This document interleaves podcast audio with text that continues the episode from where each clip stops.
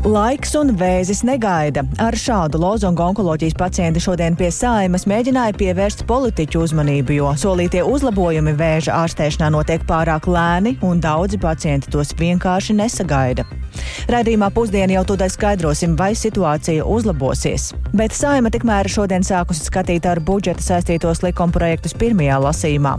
Valsts galvenā finanšu dokumenta pamatvirzieni - drošība, veselība un izglītība.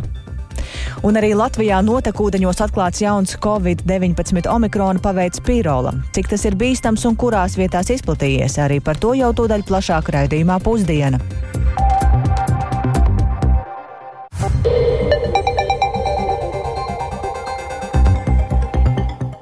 12,5 minūtes skanējumu sāks 16. novembra raidījums pusdiena ar plašāku skaidrojumu par šodien būtisko. Studijā Dāca Pēkšēna. Labdien! Drošība, veselība un izglītība. Tie ir nākamā gada valsts budžeta galvenie virzieni, un saima šodien ar budžetu saistītos likumprojektus skata pirmajā lasīmā, un debatētais saraksts ir garš. Jautājums skata jau vairākas stundas. Kas līdz šim ir izskanējis, to gatavs pastāstīt vairāk kolēģis Jānis Kīncis. Sveiks, Jāni! Sveicināti! Nākamā gada valsts budžetā plānotie ieņēmumi paredzēti par 1,7 miljardiem eiro lielāki, savukārt izdevumi par pusotru miljardu eiro lielāki nekā šajā gadā. Un par galvenajām valsts prioritātēm ir nosauktas iekšējā un ārējā drošība, izglītība un veselība. Šis budžets ir veidots koleģiāli un iztiekot bez deķa vilkšanas katram savā virzienā, bet kopīgi vienojoties par galvenajām prioritātēm. Tā, sākot debates, uzrunā uzsvēra premjere Evika Monika Siliņa no jaunās vienotības. Atbildīgi, es ceru, izvērtēsiet, uzlabosiet valdības sagatavoto piedāvājumu un spēsiet skatīties pāri pozīcijas vai opozīcijas vērtējumam.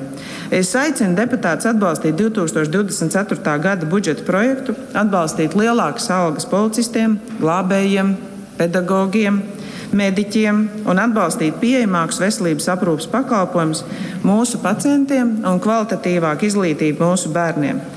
Es vēlos, lai Latvijas iedzīvotāji būtu veselāki, izglītotāki un pats galvenais, lai mēs visi būtu drošībā. Vairāk nekā 32% no budžeta izdevumiem paredzēti iedzīvotāju sociālajai aizsardzībai. To savukārt uzsvēra saimnes priekšsēdētāja Daiga Mieriņa no Zaļo un Zemnieku savienības. Viņa norādīja, ka pensijas turpmāk paredzēts indeksēt divreiz gadā, kā arī pakāpeniski no nākamā gada atjaunot piemaksas par darba stāžu līdz 96. gadam tiem, kuri devušies pensijā no 2012. gada. Tāpat arī ir paredzēts paredzēt vairāk līdzekļu asistentiem un hospīsa aprūpei. Savukārt finanšu ministrs Arvils Ašradens no jaunās vienotības norādīja, ka valdība ir centusies izvairīties no būtiskas nodokļu paaugstināšanas un finansējuma samazinājuma būtiskiem valsts pakalpojumiem. Domāts par administratīvā sloga mazināšanu mazo un vidējo uzņēmē, uzņēmumu labā. Opozīcijas pārstāvi kā ierasts veltīja kritiskākus vārdus. Valsts budžetā lielākā daļa papildu finansējuma esot veltīta jaunās vienotības pārādījumam pāraudzītajām jomām, bet jaunās koalīcijas partneriem no ZZS un progresīvajiem ir jāsamierinās ar mazumiņu. Tā izteicās opozīcijā nonākušā apvienotā saraksta frakcijas vadītājs Edgars Tavars. Tāpēc pēc viņa vārdiem nebūtu jābrīnās, ka nākamgad mazāk atjaunos ceļus un turpināsies uh, strīdi par nepietiekamu atbalstu dziesmu un deju svētku veidotājiem, tā pauda deputāts. Viņa vērtējums par budžeta projektu bija šāds. Šis budžets man atgādina kurkuli ar milzīgu jaunās vienotības galvu un sīkām ZZS un progresīvo kājalēm. Jāatzīst, ka kurkuļiem vieta ir purvā vai dīķī, nevis saimnes namā. Apvienotais saraksts nevar atbalstīt šādu budžetu, Saimnes sēdē debatētāju saraksts ir vēl garš, bet uh, budžeta projekta papildinājumi ir gaidāmi pēc valsts svētkiem. Šodien saima par budžetu balsos pirmajā lasījumā, bet galīgajā lasījumā ar budžetu saistītos likuma projektus sāks vētīt uh, 7. decembrī. That's it. Paldies Jānim Kīncim, un um, budžeta kontekstā būtisks jautājums ir arī par naudu medicīnai, īpaši onkoloģijai, uz ko šodien uzmanību vērš Onko alianse. Un valdības solītie uzlabojumi onkoloģijā notiek pārāk lēni, tādēļ daudzi vēža pacienti tos nesagaida un nomirst. Lai pievērstu uzmanību šai skarbajai realitātei un atgādinātu, kā vēža pacienti nevar gaidīt un nauda tam ir vajadzīga nekavējoties. Onkoloģijas pacientu organizācija apvienība šodien laukumā netālu no saimas rīkoja informatīvu pasākumu laiks un vēzis negaida, un tur pabija arī kolēģi Zāne Eniņa. Sveika, Zāne, kādu tad rīcību no politiķiem prasa Onko alianse? Nu, kaut gan uh, budžetā šogad patiešām prioritāte ir veselībai, onkoloģijas ieskatā uh, ar piešķirto finansējumu nepietiek, soļi ir jāspēr platāki, finansējums ir nepieciešams lielāks. Uh, Bet uh, arī laiks ir ļoti svarīgs faktors vēža diagnostikā un pēc tam ārstēšanā. Akcijas rīkotāji to bija ietvēruši tādā simboliskā gaismas objektā ar pulksteni, kas apstājies un laiku vairs neskaita, tā norādot uz ātras rīcības un neatliekamu lēmumu nepieciešamību. Šī diena vidas objekta izvietošanai, protams, nebija nejauša, kā Jānis jau minēja.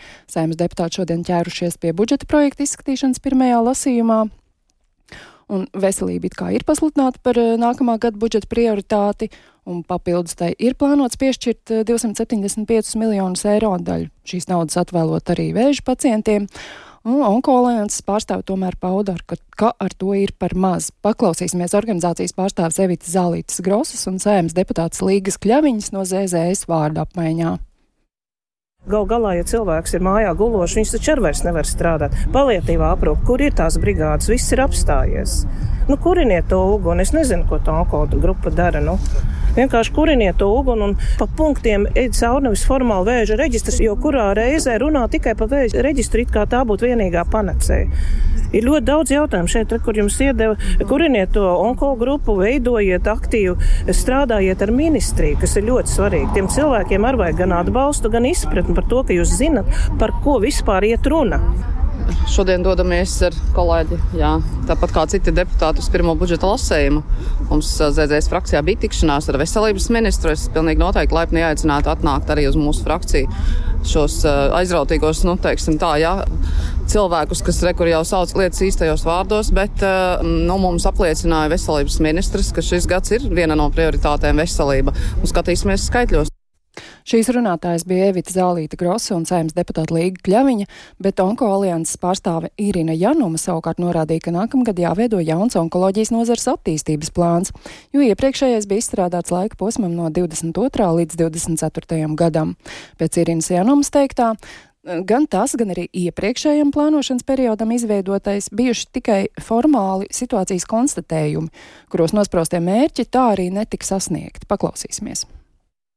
Ne finanšu ministrija, ne saima neņem vērā tos ciparus, kas ir ierakstīti. Ja kaut būtu izpildīti šie abi plāni savā laikā, un interesanti, 24. gadā mums iztecēs otrā plāna darbības termiņš, vajadzēs domāt par jauno plānu, vai viņš arī būs tikpat formāls. Šī runātāja bija Irina Januma no Onko alianses Dace. Un tu jau pieminēji, ka akcija notiek netālu no saimas, vai bija daudz deputātu, kas pienāca pie akcijas rīkotājiem? Kamēr es tur biju, kādi četri piestāja, lai noklausītos, ko saka akcijas rīkotāji. Viena no tiem bija Ingrīda Circena no jaunās vienotības, kur gan izteicās, ka pa maziem solīšiem situācija onkoloģijas jomā tomēr uzlabojoties.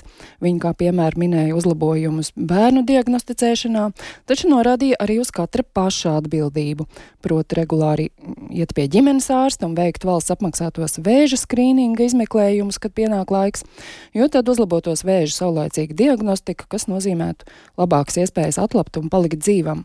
Taču tas, ka onkoloģijas joma sakārtojas pārlieku lēni, nav nekāds noslēpums, jo arī radio ziņās un citos raidījumos mēs regulāri stāstām par visdažādākajām problēmām.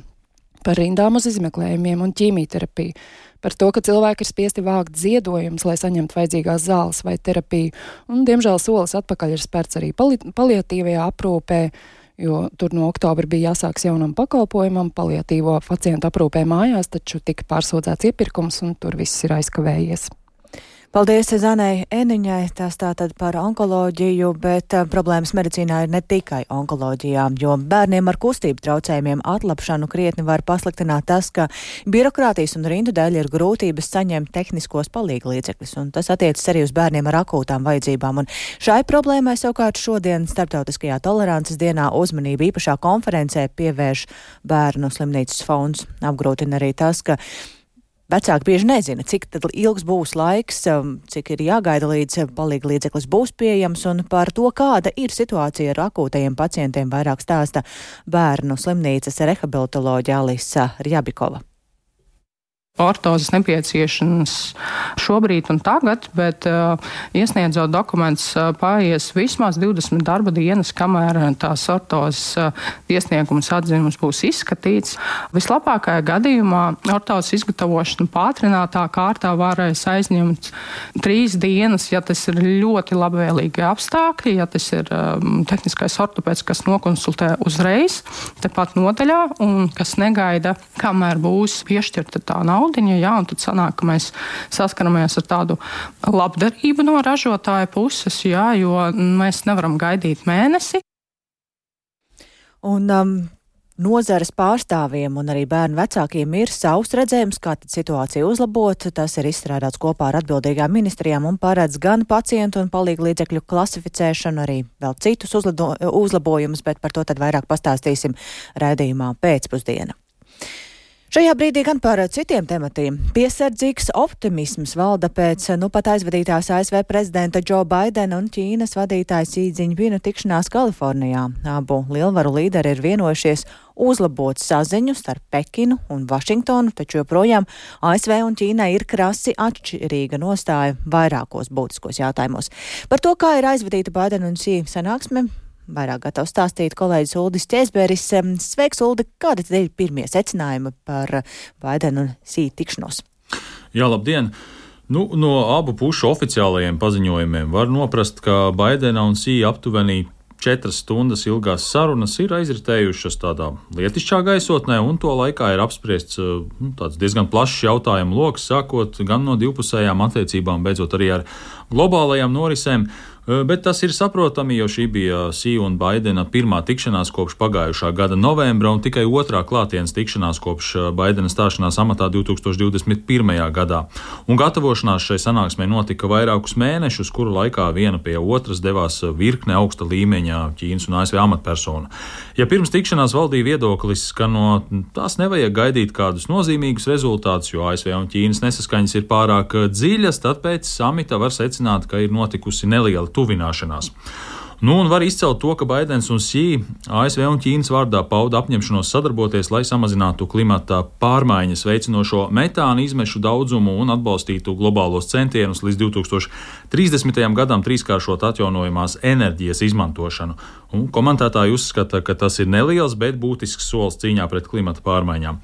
Un svarīga ir arī vienošanās pastiprināt Ķīnas un ASV sadarbību cīņā pret eh, narkotiku kontrabandu, un šeit ir jāizceļ Ķīnas apņemšanās cīnīties pret pret eh, vietējiem uzņēmumiem, eh, kuri ir saistīti ar narkotikās vielas eh, fentanila ražošanu un ieviešanu ASV. Šis sintētiskais opioīds lielā mērā ir vainojams pie tā, ka pērn ASV reģistrēja 75 tūkstošus nāvējošu narkotiku pārdozēšanas gadījumu. Un starptautiskās organizētās noziedzības eksperti gan nav pārliecināti, vai Ķīna patiešām apņēmīgi ķersies pie šīs problēmas risināšanas.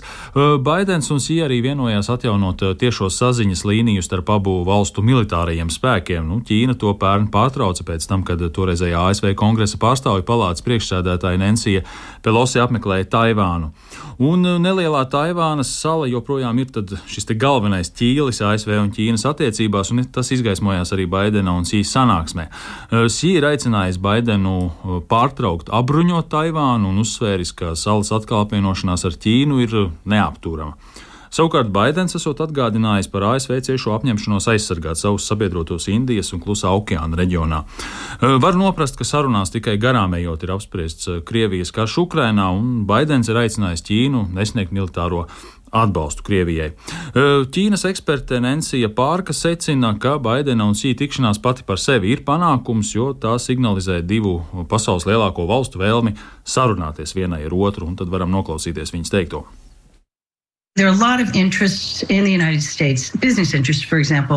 Amerikas Savienotajās valstīs un Ķīnā ir daudz ieinteresēto pušu, piemēram, uzņēmēji, kuri vēlas veselīgas attiecības starp abām valstīm.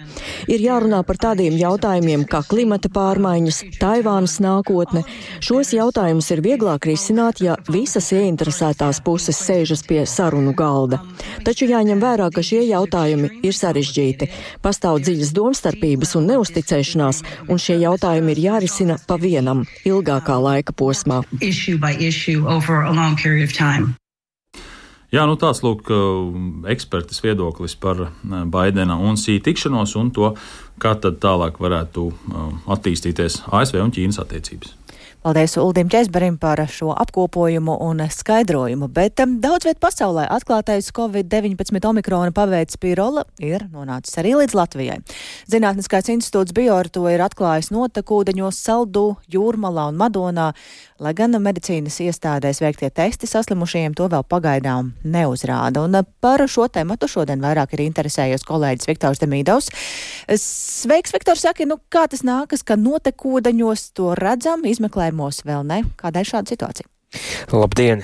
Nu, līdz ar vēsāku laiku Covid-19 vīruss izplatās vairāk un tas kļūst citāds, ja tā to var nosaukt, jo Latvijas notekūdeņos jeb kanalizācijās ir atklāts omikrona jauns apakšvariants pirula. Nu, tā informē Zinātniskajā institūtā Bior, kas kopā ar citām iestādēm pārbaudas veids 14 pašvaldībās un paraugus viņu ņem divas reizes nedēļā.